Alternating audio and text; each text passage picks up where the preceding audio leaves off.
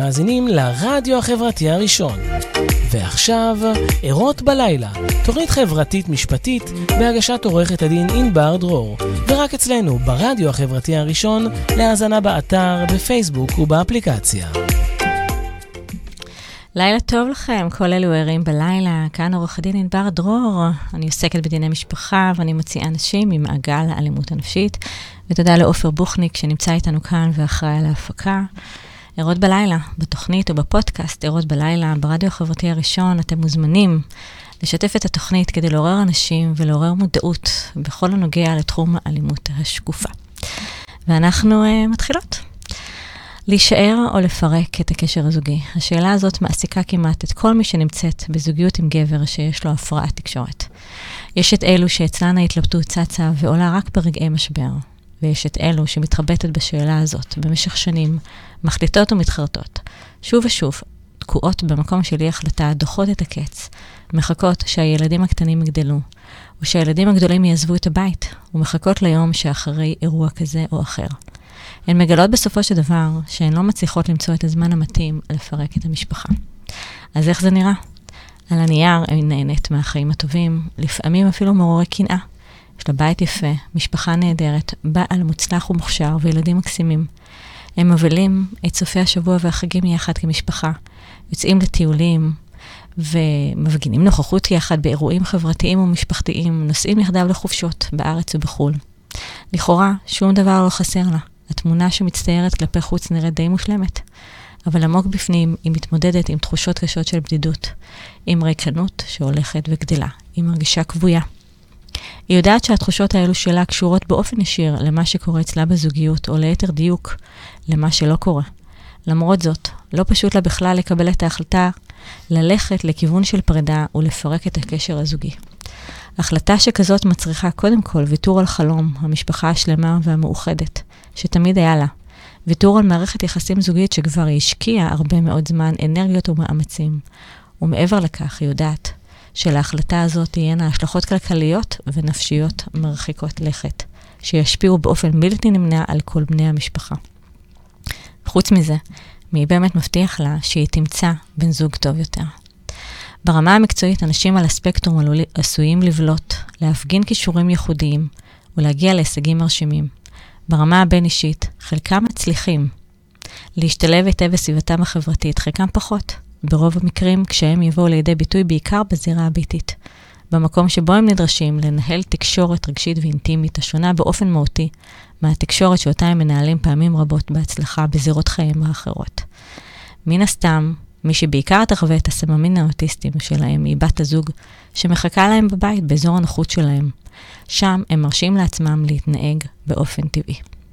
בתוך המאמרים מעוררי השראה שכתבה דוקטור פנינה ארד, שנמצאת עימי כאן, וביחד איתי אה, וביחד איתנו, גם עם חגית גנן, עו"ס אה, ומומחית אה, בסכסוכי גירושין, ובמהלך השעה הקרובה ננסה להבין את מאפייני האלימות הרגשית, דרכי אבחון ופעולה. ערות בלילה, התוכנית היום תעסוק בנושא אלימות רגשית בחיי הזוגיות, הפרעות תקשורת של הבן זוג ודרכי התמודדות. ביחד איתי מתארחות באולפן נשים מופלאות, שאני גאה לומר שבשנה האחרונה שיתפנו ביחד פעולה אה, על מנת לעזור לנשים שנמצאות בסכסוכי גירושין על רקע אלימות אה, נפשית, ולהתחזק ולצאת אה, לחיים טובים אה, אה, ובריאים יותר. אה, אז uh, אנחנו, אני, אני ככה משתפת אותך, עופר, שהחלטנו שבתוכנית ערות בלילה אנחנו ניתן uh, במה לאנשים, לאומנים ישראלים. אז אני קודם כל גאה, קודם כל להציג את מאיה רוקח מהתוכנית אפטר פארטי, ואנחנו נשמע שיר שלה, ברשותכם.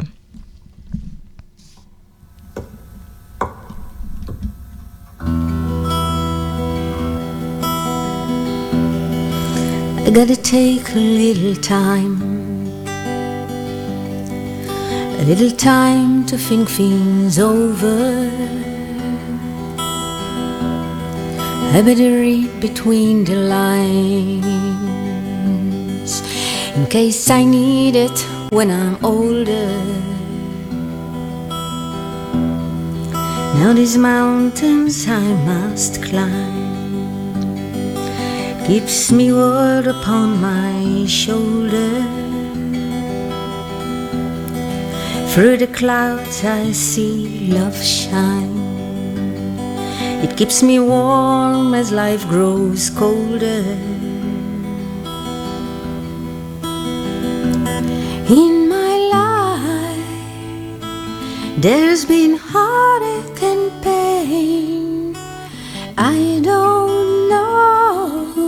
can face it again. Can't stop now. I travel so far to change this lonely love.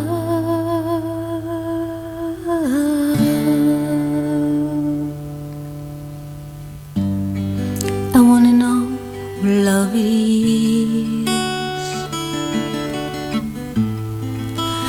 I want you show me.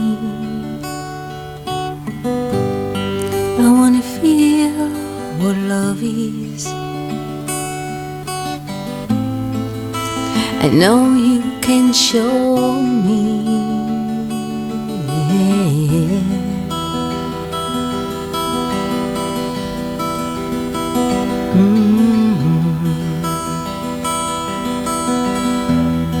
I'm gonna take a little time,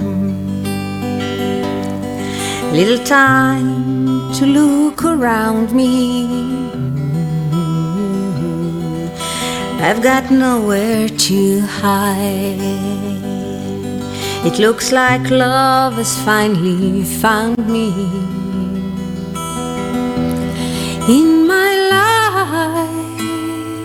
There's been heartache and pain. I don't know if I can face it again. Can't stop now.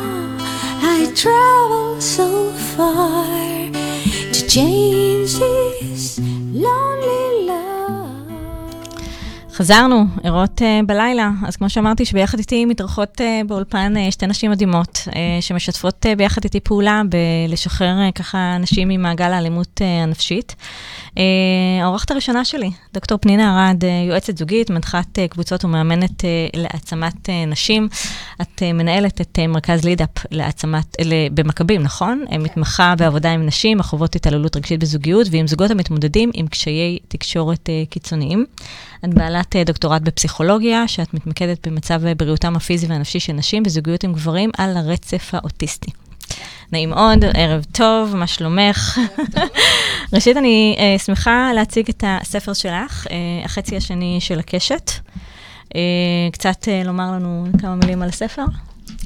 זה, זה ספר עיון, זה פעם ראשונה בעברית ש, שיוצא ספר שמציג את המידע על הפרעת תקשורת בזוגיות, על ההשפעה שלה, על אוטיזם בתפקוד גבוה אצל מבוגרים, על האופן שבו המאפיינים האוטיסטיים באים לידי ביטוי בזוגיות עם שונות נוירולוגית.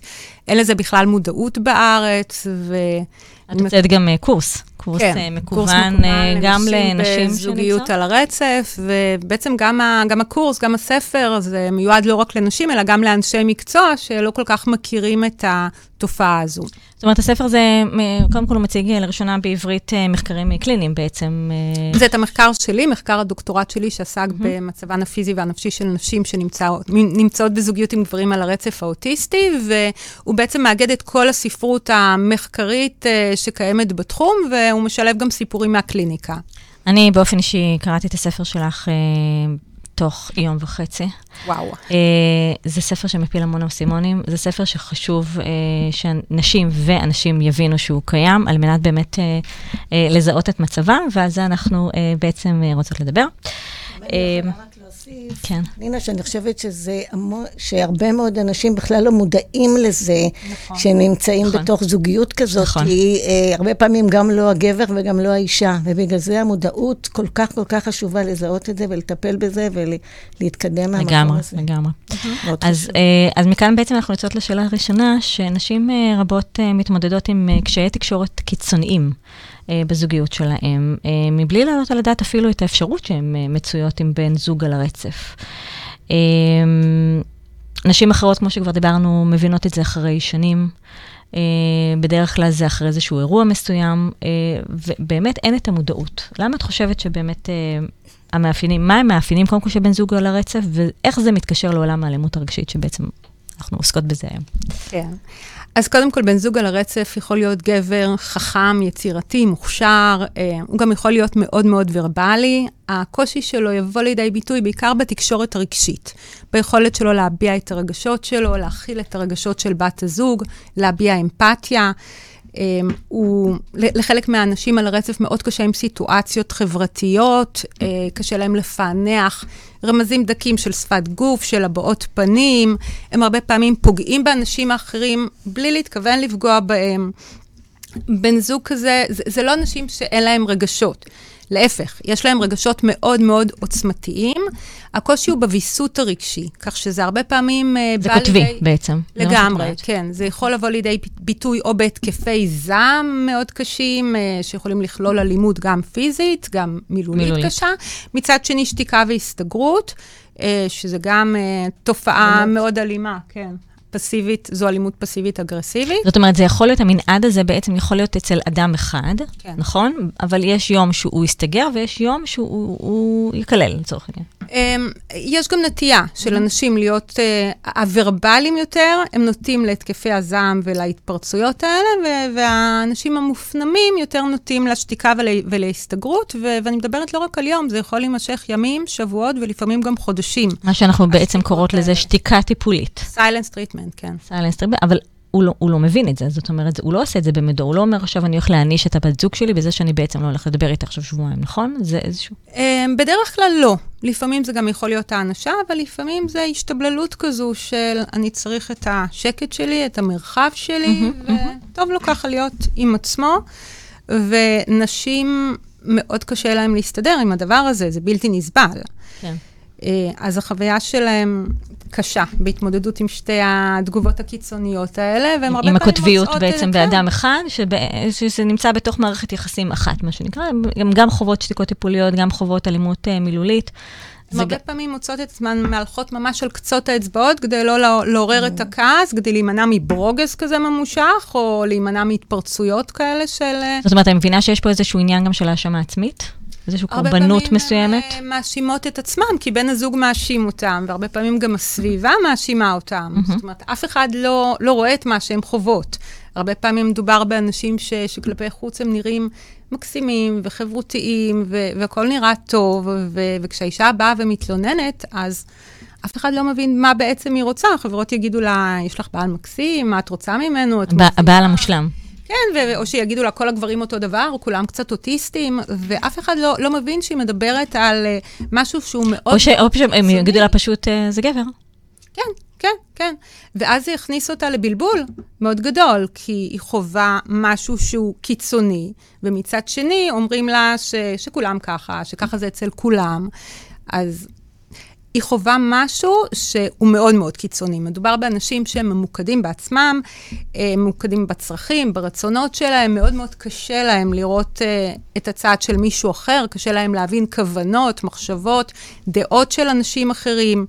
Uh, יש שם נוקשות מאוד גדולה אצלם, הם הרבה פעמים בטוחים ש, שהם יודעים הכי טוב, גם בגלל שמדובר באנשים שמאוד מאוד מצליחים מבחינה מקצועית, אז הרבה פעמים הם מפתחים לעצמם גישה של עליונות. כן. ש, הם יודעים הכי טוב, והם מקטינים את הערך של בת הזוג, הם הרבה פעמים מזלזלים במה שהיא תגיד, יגידו לה שהיא מדברת שטויות, והיא לא מבינה, והיא לא יודעת, לא מבינה שום דבר בעצם, או שזה יכול ממש להקצין לכיוון של גזלייטינג, שיגידו לה שהיא משוגע, משוגעת ומטורפת, ו- והיא צריכה אשפוז פסיכיאטרי או כדורים פסיכיאטריים. ועם הזמן נשים uh, ששומעות את זה שוב ושוב ושוב, ומתחילות uh, לפקפק בעצמן. את מדברת על בן זוג על הרצף, שזה בעצם אה, סוג של אוטיזם. כן, אני מדברת על מה שקראו לו פעם אספרגר, שנכנס לספר האבחנות הפסיכיאטריות רק בשנת 94. Mm-hmm.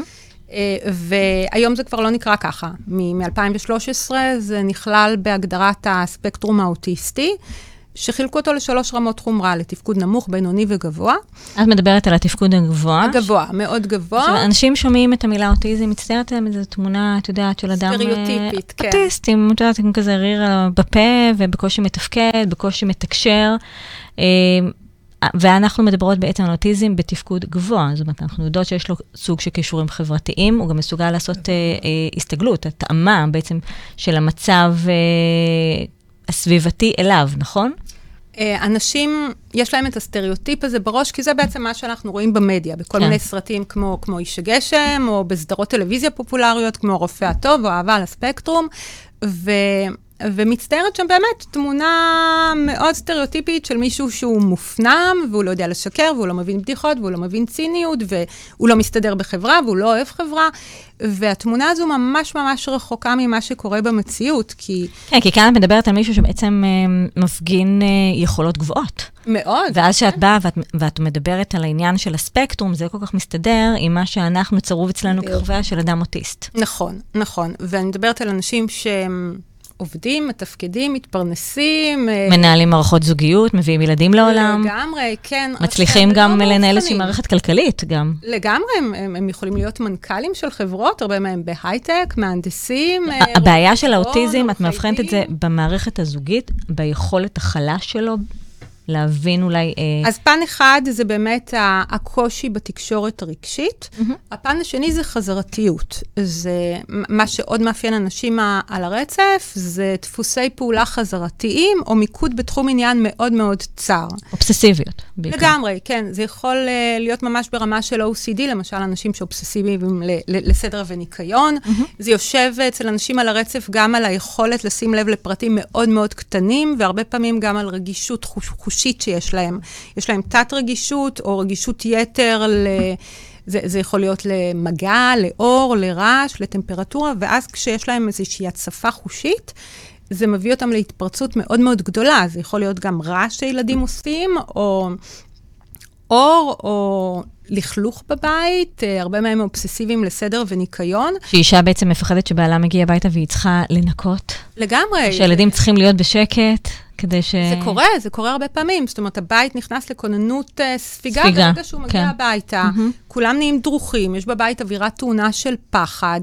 והוא מגיע, במקום להגיד שלום, להתעניין מה שלום כולם, איך היה היום שלכם, לא, נכנס כמו מפקד, הוא... כמו רס"ר. לגמרי. שבודק את הכלים בכיור. חיצים של ביקורת, חיצים של ביקורת כלפי כולם, למה ילקוטים כאן, למה הכלים בכיור, למה... רק שאלות, רק ביקורת, ו... ומכאן הדרך של האישה בעצם אה, לפחד, לפחד מה, מהמציאות שהוא מגיע הביתה. ו... גם הילדים. ברור ודאי. יש אה, משפט שאני מצטטת אותו מאחד המאמרים שלך, כאשר לומדים להבחין בסממנים אופיינים של אוטיזם, מבינים שהם ממש לא נדירים. האנס אספרגר. אה, נתונים עדכניים מצביעים שאחד מתוך 40 בעצם מאובחן. זה המון. זה המון. זה המון. כך שאפשר לומר שזו תופעה נפוצה הרבה יותר ממה שבעצם אנשים מבינים. נכון. כי... ושיש מודעות בכלל לעניין הזה. יש מודעות היום, אה, היא לא הייתה. כמו שאמרתי, אספרגר נכנס לספר ההבחנות רק בשנות ה-90, כך שנוצר מצב שכל הדור המבוגר, בני ה-20 פלוס, הם לא, לא אובחנו, הם לא מאובחנים. והיום הילדים שמאובחנים יודעים שזה גנטי, זה תורשתי, אז אחד ההורים שלהם הוא על הרצף, הוא לא מאובחן, הוא על הרצף בתפקוד מאוד מאוד גבוה. אה, אנשים הרבה פעמים לא, לא מבינים את הקשר, כי לפעמים הילדים הם בתפקוד נמוך, אז מה הקשר בין האבא הגאון והמבריק והמאוד מצליח לבין הילד שהוא בתפקוד הרבה פעמים יותר נמוך? Uh, בעייתי. נשים, גם שיש להם ילדים על הרצף, לא תמיד עושות את החיבור הזה. לא תמיד עושות ההבחנה ואת כן. החיבור הזה, שבעצם אם הילד מאובחן, אז מן הסתם זה גנטי, אז זה יכול להגיע או... בחו"ל כבר יש לזה יותר מודעות, אז אנשים מבוגרים הרבה פעמים הולכים כבר לעשות אבחון בעקבות אבחון של אחד הילדים שלהם. הבנתי. Um, מה תחווה אישה שנמצאת במות יחסים uh, עם בן זוג על הרצף, והיא לא יודעת את זה? איך את יכולה לתת uh, מה שנקרא סימנים לאישה ששומעת אותנו. ונמצאת במערכת יחסים כזו, ותני לה סימנים כדי שהיא תבוא ותגיד לעצמה, זה גבר, או שככה זה, או שאני לא צריכה אה, לחשוב שעכשיו הבן זוג שלי על הרצף ואין לי מה לעשות עם המידע הזה. אז קודם כל, אישה כזו חווה בלבול מאוד גדול, כי היא רואה פער בין ההתנהגות שלו בבית לבין ההתנהגות שלו בחוץ. ואני מדברת על פער מאוד גדול, שנשים הרבה פעמים מתארות את זה בצורה של דוקטור ג'קיל ומיסטר הייד, עד כדי כך. זאת אומרת, הפער הוא גדול. זה, זה מישהו שכלפי חוץ יכול להיות חברותי ולחייב. לעזור לזקנות לעבור את הכביש. כן, לגמרי. ולא להציע ו... כוס תה לאשתו שהיא יכולה. נכון, נכון. או להיות זועף ועצבני כל הזמן בבית. Mm-hmm. ו... אנשים בגלל זה גם לא מבינים על מה הן מתלוננות כש, כשקשה להם. והפער הזה, זה כי האנשים כן יכולים. זאת אומרת, מדובר הרי בדור של מבוגרים, שדרך אגב חוקרים לזה, קוראים לזה הדור האבוד, כן? שפוספס באבחון שלו, ובגלל שהם לא אובחנו בילדותם, הם למדו לסגל לעצמם כל מיני אסטרטגיות של פיצוי והסתגלות. הם למדו להשתלב במצבים חברתיים, מה שכן, זה דורש מהם המון המון מאמץ ואנרגיות. אז כולנו חוזרים עייפים אחרי יום עבודה, אבל הם חוזרים הרבה יותר, כי הם השקיעו מאמץ מעבר לעבודה שהם עושים, בהשתלבות הזו, באינטראקציות עם אנשים, ואז הם חוזרים מרוקנים מאנרגיות. אין להם כוח בכלל לדבר עם, אה, עם בת הזוג, להשקיע בילדים, הם פשוט צריכים את, ה, את השקט שלהם. או שהרבה פעמים הטריגרים מאוד קטנים, זאת אומרת, אה, מה, מה שמעצבן אותם ומביא אותם להתקף אה, כעס מאוד גדול, הם לא, הם כבר שלטו בעצמם כל כך הרבה במהלך היום, שזהו, הבית הרי הוא אזור הנוחות, ואז הם מרשים לעצמם אה, להגיב באופן שהם לא היו מעיזים להגיב כלפי בן אדם זר. אז זה דבר ראשון, הבלבול. אה, דבר שני זה הבדידות. נשים בזוגיות כזו חוות, חוות בדידות רגשית. מאוד מאוד גדולה, מאוד. כי אנשים על הרצף יכולים להיות uh, ממוקדים. בעבודה, בתחביב, ב- בספורט, ב- הם, הם ממש, זה, זה יכול להגיע לרמה של התמכרות ל- למחשב, ל- לנייד, לספורט, ללימודים, להצלחות. כן, ואז היא מוצאת את עצמה לבד, גם פיזית וגם רגשית, כי הם גם לא יודעים לתת את, ה- את המענה הרגשי, גם אם יש להם את הפניות, אבל בדרך כלל הם לא שם. כן. הן הרבה פעמים מרגישות כמו אימהות חד-הוריות. הם גם לא, לא ירצו להיות מעורבים בטיפול בילדים, במטלות בבית, אה, והרבה פעמים יש להם גם כישורי הורות לקויים. זאת אומרת, הם לא יודעים מה לעשות עם הילד, הם לא יודעים להתאים את עצמם לגיל, לטפל, לדאוג, אה, זה הרבה פעמים גובל ברשלנות הורית. הם יכולים להיות שקועים במשהו ש, שמעסיק אותם, ולא לשים לב ש, שתינוק זוחל ו, ויכול לסכן את עצמו. אז איך בכל זאת את מציעה לאישה שכרגע שומעת אותנו, היא, אמרנו כרגע את הסימנים, מה היא צריכה לעשות, לפי דעתך? אמ, קודם כל היא צריכה, הסימן העיקרי זה, שלא דיברנו עליו, זה קשיי תקשורת קיצוניים. כן. אוקיי? ש, שזה, יש שם חוסר הבנה, זה מגיע למקום שאי אפשר לפתור קונפליקטים, כי אין נכונות מהצד השני. זה או שזה מגיע לפיצוץ מאוד גדול, או שיש הימנעות מלדבר. כן. ואז... שתיקה טיפולית, כפי שדיברנו. סליחה? שתיקה טיפולית, כמו שאמרנו. כן, כן, ואז הנושאים בעצם לא נשארים אני לא, לא פתורים. אני, אני לא מדבר. והם צצים ועולים שוב ושוב, ונוצרת דינמיקה ביחסים כאלה של רודפת ונרדף. היא תרדוף אחריו, היא רוצה לדבר איתו, היא רוצה תקשורת. הם גם אנשים שלא משתפים בחוויות האישיות שלהם ולא מתעניינים בחוויות של האישה, היא לגמרי לבד. Uh, מה שאני מציעה לנשים זה קודם כל uh, לראות אם יש להם פרטנר, לעבוד איתו, ואם אין, אם הוא לא רוצה להגיע ל- לייעוץ או לטיפול, לראות מה, מה קורה בזוגיות, הן צריכות להבין שהן לבד והן צריכות לקבל החלטות, כי המצב לא עומד להשתנות מעצמו. להפך, וההשלכות הבריאותיות, הם, עליהן, המצב הפיזי והנפשי שלהם מאוד מושפע ממה שקורה. על זה בעצם היה המחקר שלי. זאת אומרת, מצאתי שם גם, גם רמות של אלימות הרבה יותר גבוהה מאשר במערכות יחסים אה, רגילות, בעיקר אלימות פסיכולוגית, אצל נשים שהבן זוג שלהם מאובחן על רצף, אצל נשים שחושדות שהבן זוג שלהם שם, הרווחה הנפשית שלהם. נמוכה הרבה יותר מאשר נשים בזוגיות רגילה, הן חוות הרבה סממני דיכאון, ממש דיכאון קליני הרבה פעמים, אה, זה משפיע גם על המצב הפיזי שלהם, מחלות. מחלות כרוניות, אוטואימוניות, הרבה מחלות uh, על רקע נפשי, כמו um, um, פיברומיאלגיה ועייפות כרונית, ו...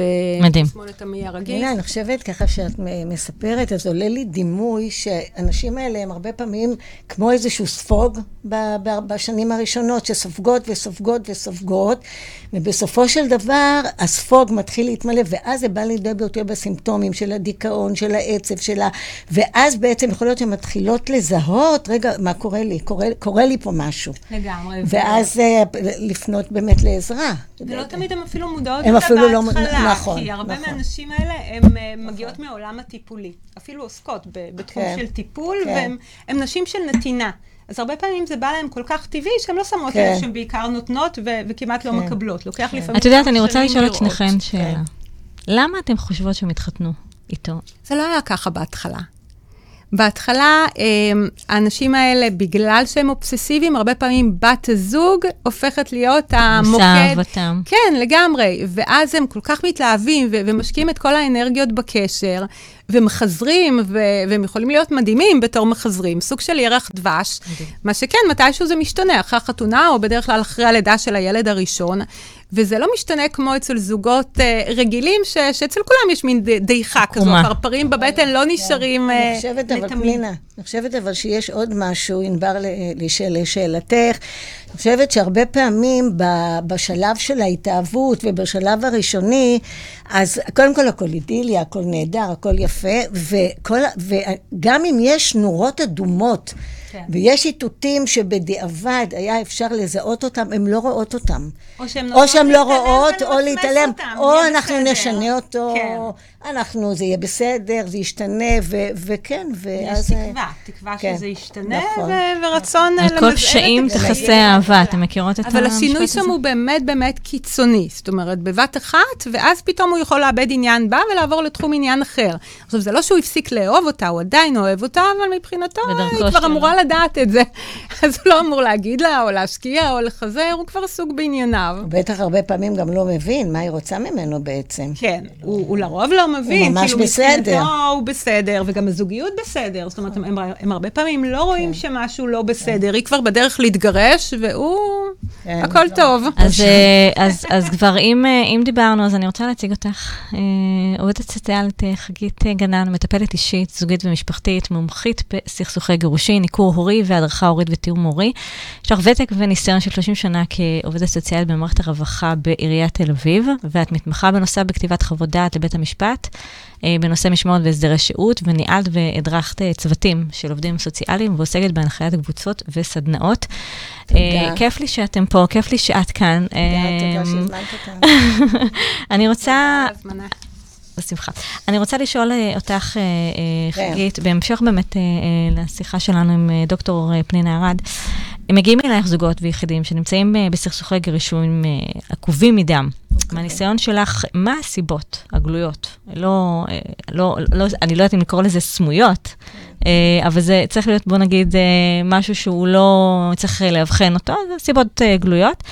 אה, שגורמים לזוג לצאת למלחמה שלעיתים קרובות הילדים אה, משלמים את המחיר בהליך אוקיי. הגירושים העקוב מדם הזה. אוקיי. Okay. אה, uh, אני חושבת שככה פנינה נתנה לנו איזשהו זרקור על תחום מאוד מסוים, שאני חושבת okay. כן. שבאמת חסרה, חסרה מודעות מאוד מאוד גדולה ל, ל, לנושא הזה, אבל אני חושבת שעיקר, לפחות מה שאני נתקלת ככה אצלי בקליניקה, וגם כשעבדתי בשירות הרווחה הרבה שנים, שעיקר הזוגות שמגיעים לקונפליקט, הקונפליקט המאוד גבוה. בואו בוא לא נשכח שיש זוגות, לא מעט, שיודעים להתגרש בצורה אה, ראויה, שטובת הילדים לנגד עיניהם, שהולכים ו- ומגיעים לפשרה. גישור.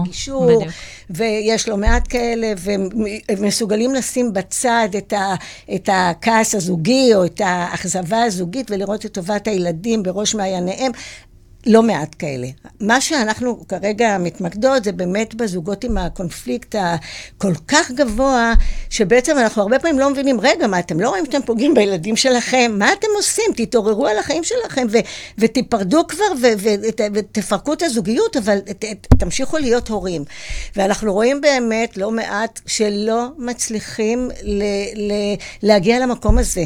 ועכשיו, קודם כל, ברור שגירושים זה, זה מקום כואב, זה מקום... מקום שהוא אה, אה, מגיע אחרי אכזבה מאוד גדולה, ואחרי פגיעה רגשית מאוד גדולה, ולפעמים גם בגידה, לפעמים גם אלימות, אה, וגם אלימות רגשית. הכעס הוא מאוד מאוד מאוד גדול. אז איך אפשר ו... באמת ללמד את הבן זוג? אוקיי, אז... להפסיק אז, את המלחמות, אז רק עוד לפני כן, לפני כן צריך להבין ש, שהכאב הוא כל כך גדול, שהרבה פעמים הם לא מסוגלים להפריד.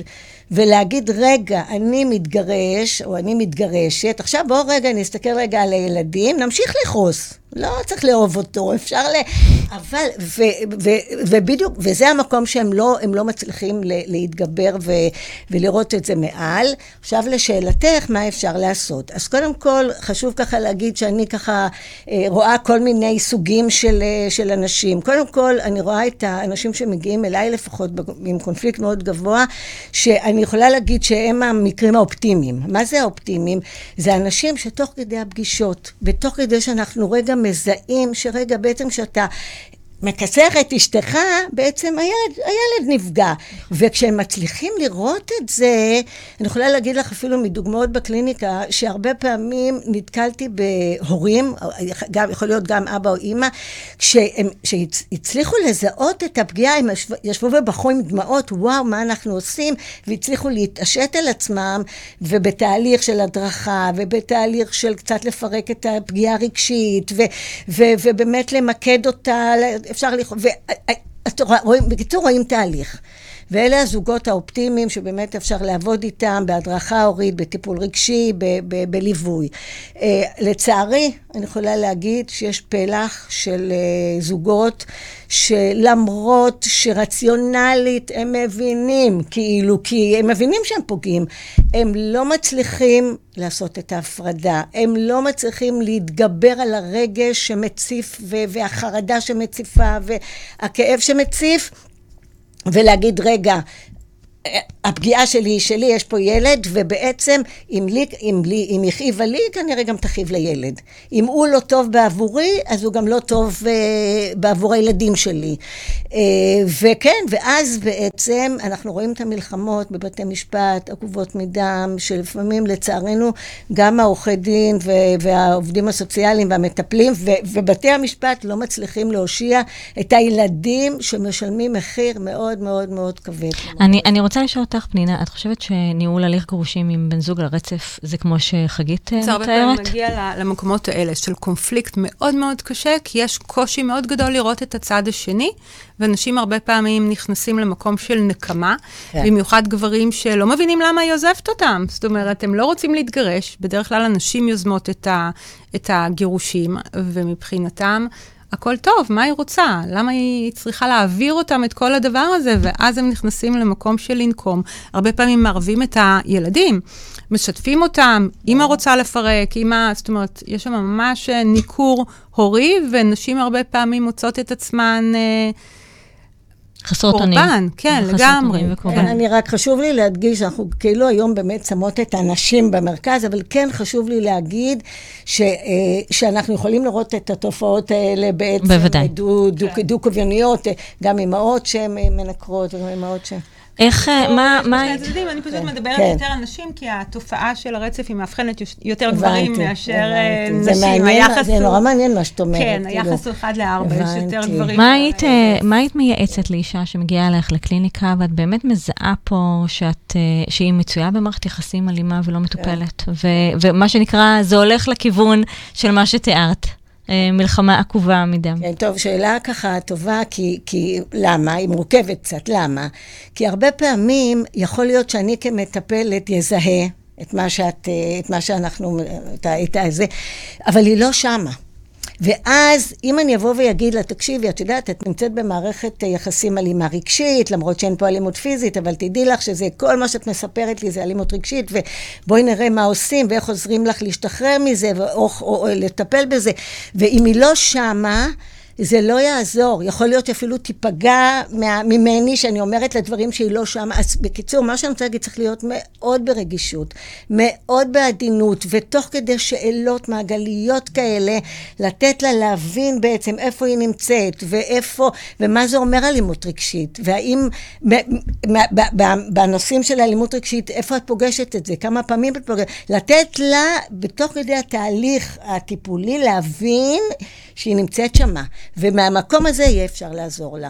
אני חושבת שלשני בני הזוג יש קושי עם הדבר הזה, כי הרבה פעמים כשאני פוגשת זוגות כאלה ומשתמשת במילה אלימות, הם שניהם ככה... זה מרתיע מאוד. מאוד, כי גם הגברים האלימים, הם לא רוצים לראות את עצמם בתור גברים נכון, אלימים, ברור. ומבחינתם, מה, האישה שלהם לא מסתובבת עם סימנים כחולים? אז הכל בסדר. לה, כן, אז מה פתאום, בסדר. מה פתאום, הם, הם לא אלימים, וגם האישה, זאת אומרת, הרבה פעמים, כן. היא לא רוצה לראות את עצמה כקורבן, כי, כי אם, נכון. אם אני קורבן לאלימות, מה זה אומר עליי? שאני חלשה, נכון. שאני... נכון. אף אחת לא רוצה לראות את עצמה בתוך מעגל האלימות. אז על לתת לזה שם, אני לפעמים עושה את זה בצורה כן. מאוד חותכת. זאת אומרת, כשאני רואה את זה, כשזה נורא בולט, ו- ודרמטי, אני כן, אני אומרת... אבל אני מסכימה איתך, אבל אני חושבת שבתוך המקום שאת מדברת עליו, נגיד, אם את אומרת את זה בצורה חותכת, אנחנו צריכים תמיד שהאישה הזאת תהיה עם איזושהי הכלה. למקום הזה של רגע, היא בשוק, היא בהלם, היא באבל על מה שהיא מגלה על עצמה. איך אני החזקה והמוצלחת, אני, ו, ולתת לזה זמן, כן, ומהמקום הזה לעזור לה לצמוח, לעזור לה להתחזק. ברור, אני מלווה אותה, אני נמצאת איתה כן, בתהליך. ברור, ברור. אני רוצה רגע... בואי נגיד, לא, לא נפגוש מישהי ברחוב ונגיד לה שהיא שם. אני רוצה רגע לדבר איתך על הכובע השני שלך, אה, כן. כמי שבאמת אה, ניהלה ככה אה, במערכת הרווחה בעיריית תל אביב המון המון שנים. כן. איך מערכות הרווחה מתמודדות עם אלימות, אלימות נפשית, ובעיקר כל מה שכרוך בהליך החזקת קטינים וקביעת זמני שהות, כן. שמדובר באלימות נפשית. כן, כי כאן אנחנו מדברות כן, על מודעות. כן. זה מתחבר בעצם ברור. לעניין של פנינה שהיא מדברת, שנשים לא מבינות, וגם מערכת הרווחה, אני מניחה, לא מבינות. שאלימות, אם, אם אנחנו כאילו מדברים על אלימות פיזית, כמובן שזה הרבה יותר פשוט, יש סימנים, יש סימנים כחולים, יש זה אפשר להפנות אותה, ל, יש את המרכזים לטיפול ב, באלימות, ברור שיש, הדרך היא הרבה יותר קלה ו, וברורה. אה, לגבי אה, אלימות רגשית, אני חושבת שהיום אה, המודעות הולכת וגוברת, לא מספיק לדעתי, לא מספיק. אני חושבת שמאוד מאוד מאוד חשוב להעלות, אה, פנינה, אני אומרת את זה לך בתור מי שככה מובילה את זה, אה, להעלות את המודעות גם בקרב אנשי המקצוע. אנשי המקצוע שפוגשים את הנשים האלה, שמדברים איתם, שלא יקלו בזה ראש. כי הרבה פעמים, כן, בסדר, אז הוא לא היה נחמד אלייך. כן, זאת, יש כאילו איזשהו אה, משהו, וצריך להעלות את המודעות ולעזור לאותם אנשי מקצוע, לעזור להם איך, איך הם מזהים.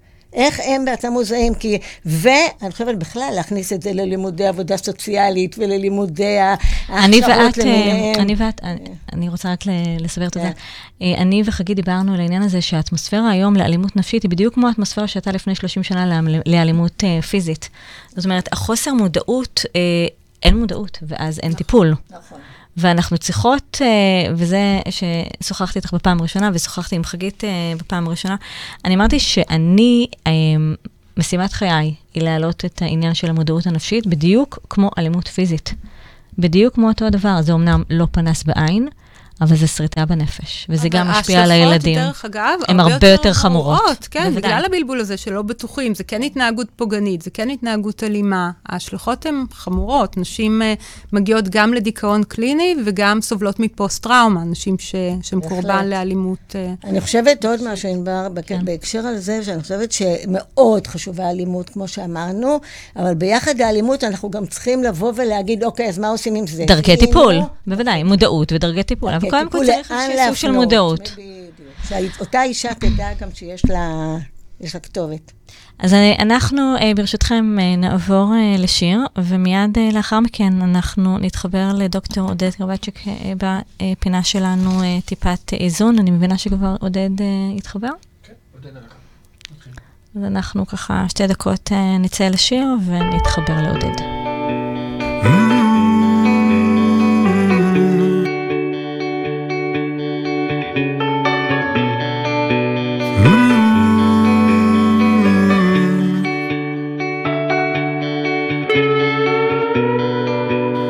השקט מתפשט בין קירות הבית. הנשימה תקועה בחזה לפחות בינתיים. בארגז שבצד חתיכות של עבר. קשה להאמין שזה נגמר. בתמונה הכללית הדברים די ברורים תמיד יש מה להפסיד מקווים היום דעך, אסור לבכות על הזמן שנשפך, הלב זוכר, הגוף שוכח, היופי שבורח, היופי שבורח.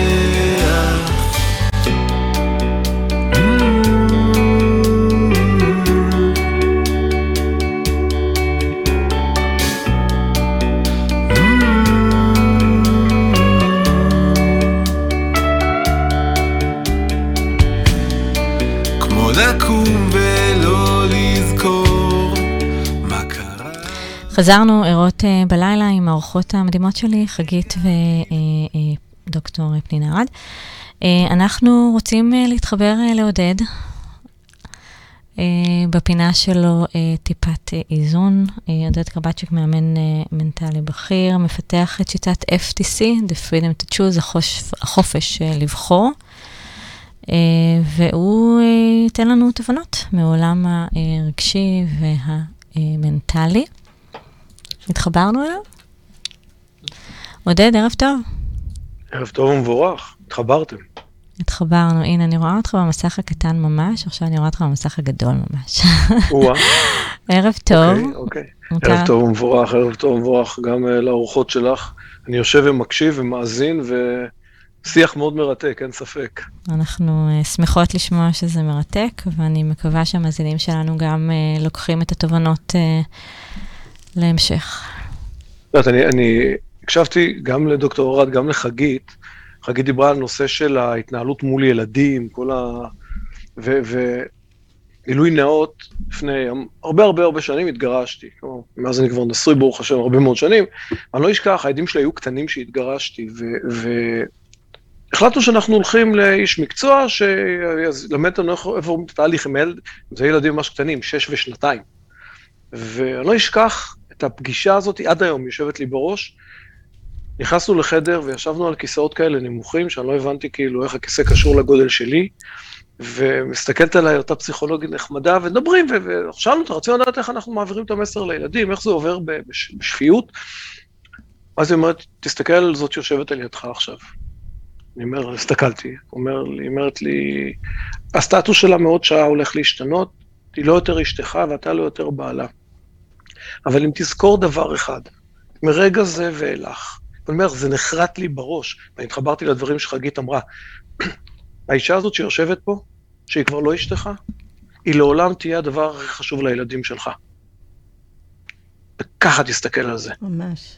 האישה הזאת, היא לעולם תהיה הדבר הכי חשוב לילדים שלך. ומרגע זה, אתה צריך להתייחס אליה כדבר הכי חשוב לילדים שלך.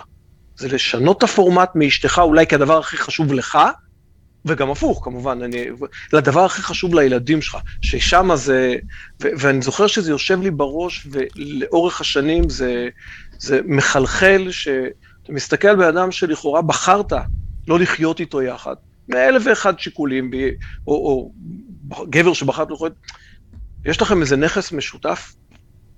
שיש להם אח, אחריות אינסופית על הנכס הזה, וזה מדהים אה, אה, אה, להקשיב לדברים האלה, וגם עצוב לראות, אני לפעמים כשאני פוגש זוגות, עצוב לראות לאיזה מקומות אה, אה, עושים שימוש בילדים, אה, וזה לא להיט, לשון המעטה. אה, אני רוצה להתייחס לנקודה אחת ככה, מתוך הדברים ששמעתי, גם אה, דוקטור ארד וגם חגית וגם מהדברים שלך, ולחבר את זה לנקודה מעניינת. פרשת השבוע שלנו היא פרשת תצווה. ופרשת תצווה, מכל הפרשות שמדברים, ש, שמוזכר משה רבנו, זו הפרשה היחידה שהשם שלו לא מוזכר בכלל. השם שלו לא, נמחק מהפרשה הזאת. ושואלים המפרשים למה, ומחברים את זה לסיפור חטא העגל, שהקדוש ברוך הוא רצה להעניש ולמחוק את העם. ואז משה אמר לו, אם אתה מוחק את העם, תמחק אותי מהספר שלך. לא רוצה יותר שהשם שלי יופיע בספר שלך. ואומרים, צדיק גוזר והקדוש ברוך הוא מקיים, אז הוא אמר, לא מחקתי את העם, אבל אני מזכיר לך שמחקתי פרשה אחת שלמה את השם שלך, כתזכורת לסיפור הזה. למה אני מביא את זה? בנקודה הזאת ש, של השיח של נשים שחוות אלימות, ודיברנו על זה בעבר, אלימות רגשית, אלימות מילולית שפוגעת, שהולכת לאלימות רגשית, שהיא חמורה לא פחות, לפעמים לא יותר, כמו שאמרה דוקטור ארד, מאלימות פיזית מבחינת הנזק המצטבר והמתמשך. דרך אגב, גם באלימות פיזית, הנזק המצטבר המתמשך הוא נפשי הרבה יותר מהפיזי. אני לא מדבר חס ושלום על, על פגיעות גוף חמורות. והרעיון הוא להבין שאם אותה אישה שחווה מה שהיא חווה, לא תהיה, כלומר, אחד צריכה לזהות, צריכה להבין, צריכה להתבונן על, על, על הדבר הזה כ... אה, אה, לא ברמת שיפוט אישי מאוד מאוד גבוהה, לא ברמת ביקורת עצמית מאוד מאוד גבוהה, לא ברמת אני אשמה, כי אם אני מסתכל ובא ואומר, ככל שאותה אישה לא תהיה מוכנה לעמוד ולהתמודד, לפעמים ההתמודדות היא לא פשוטה, לפעמים ההתמודדות היא גם לעזוב, והיא תחיה באיזשהו מקום שלא תהיה לה טיפה חמלה על עצמה, היא תחיה כאילו היא מחוקה. בדיוק כמו שפרשה שלמה, משה רבנו נמחק מהפרשה, גם פה, אם אישה תהיה מוכנה לקבל את המצב הזה, ול, ולחיות איתו, עם כל הקושי, ויש בזה קושי, מתוך האשמה עצמית, מתוך לקיחת אחריות על דברים שהם לא באחריותה. לא באחריותה, מצבו הבריאותי של בן זוגה, גם אם הוא על הספקטרום וגם, זה לא באחריותה, היא יכולה להחליט להיות שם, היא יכולה לבחור להיות שם, אבל ברגע שהיא תיכנס ל... ל, ל, ל, ל תעבור את הקו הדק בין אני אחראית ובין אה, אה, אולי אני אשמה חס ושלום, ובין אה, אה, אה, אני צריכה לוותר על עצמי, למחוק את עצמי רק כדי ש... זה, זה לבוא ולקבל החלטה שהיא לא פשוטה, שאני לא שחקנית יותר בסיפור של החיים שלי. וזו החלטה מאוד מאוד לא פשוטה, ואני חושב שכל אחד מאיתנו, נשים, גברים, וכרגע מדברים על נשים, וכל אחת, אחד מאיתנו, ברגע שהוא בוחר לחיות במציאות לא מאוזנת, ואנחנו יודעים שהוא לא מאוזן, אנחנו, ואסור לנו לקרוא למציאות לא מאוזנת, מאוזנת רק כדי לסדר לנו את זה בראש כבסדר. לתת לגיטימציה לדברים שהם לא בסדר. ובסופו של יום, אז תהיה חברה שתגיד לה, או תהיה אה, אימא שתגיד לה, או אחות שתגיד לה. לא לדחות את זה הצידה. לא לחיות במציאות לא מאוזנת, כי ברגע שאני חי במציאות לא מאוזנת, הסכנה הכי גדולה, שזה הופך להיות הרגל. וכשאני נכנס להרגל לחיות במציאות לא מאוזנת, זה הופך להיות אזור הנוחות שלי. שם אני כבר יודעת להסתדר. רע לי, אבל זה האזור הנוח שלי. אני חושב שאחד הדברים המרכזיים, שעם כל אחד מאיתנו, כמובן נשים שחוות, אה, אה, לכאורה לשבת מהצד ולשמוע, זה כאילו לא נשמע אלימות. את חיה עם בן אדם שיש לו הפרעה, וכל מי שהוא אלים יש לו הפרעה, אבל יש לו איזושהי הפרעה, אבל לכאורה הפרעה סמי-נורמטיבית, איך אמרת בהתחלה?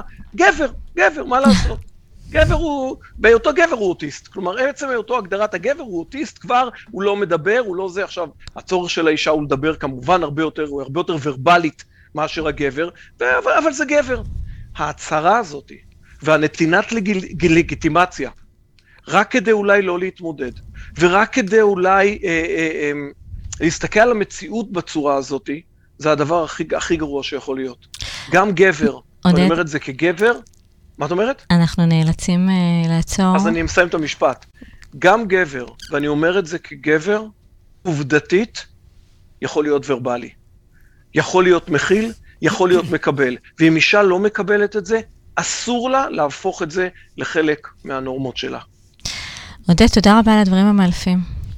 אנחנו שמחים שהצטרפת אלינו, שיהיה לך שבת שלום. תבורכו על אה, השליחות הגדולה שאתם עושות. תודה רבה. שבת שלום. שבת שלום. מאוד מסכימה עם עודד לגבי ש... זה שגבר, גם אם הוא על הרצף, הוא יכול ללמוד לעשות את הדברים האלה. זה בדיוק מה שעושים בתהליך של ייעוד זוגי, כששני בני הזוג באים ומוכנים להשקיע מאמץ נכון. ולעבוד ולעשות שינוי.